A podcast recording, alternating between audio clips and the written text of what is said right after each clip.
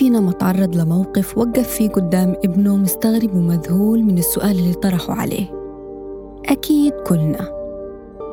وكلنا لازم نعرف إنه في كتير دوافع للطفل بتخليه يسأل هيك أسئلة واللي هي اهتمامه بمعرفة العالم الخارجي وإتقانه للكلام واللغة اللي بتخليه يطرح السؤال ليتباهى بذكائه. وما ننسى دافع الخوف والقلق من الأشياء اللي بيجهلها وما بيعرف تفاصيلها.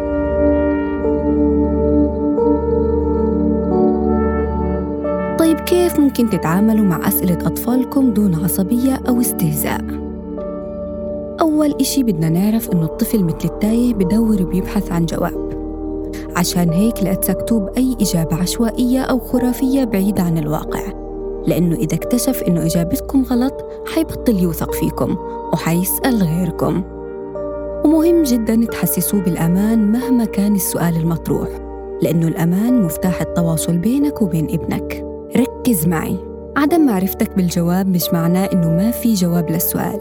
بهاي الحالة اطلب من ابنك وقت للبحث عن الإجابة وخلي إجابتك صادقة محددة مبسطة وقصيرة. وبطريقة ذكية اضرب مثل واربطه بأشياء ملموسة عشان يقدر عقله يستوعبها وتكون مناسبة لسنه. مثلا السؤال المعهود للأطفال من وين إجيت؟ لو كان عمره أربع سنين بكفي تجاوبه إنه أجا من بطن ماما.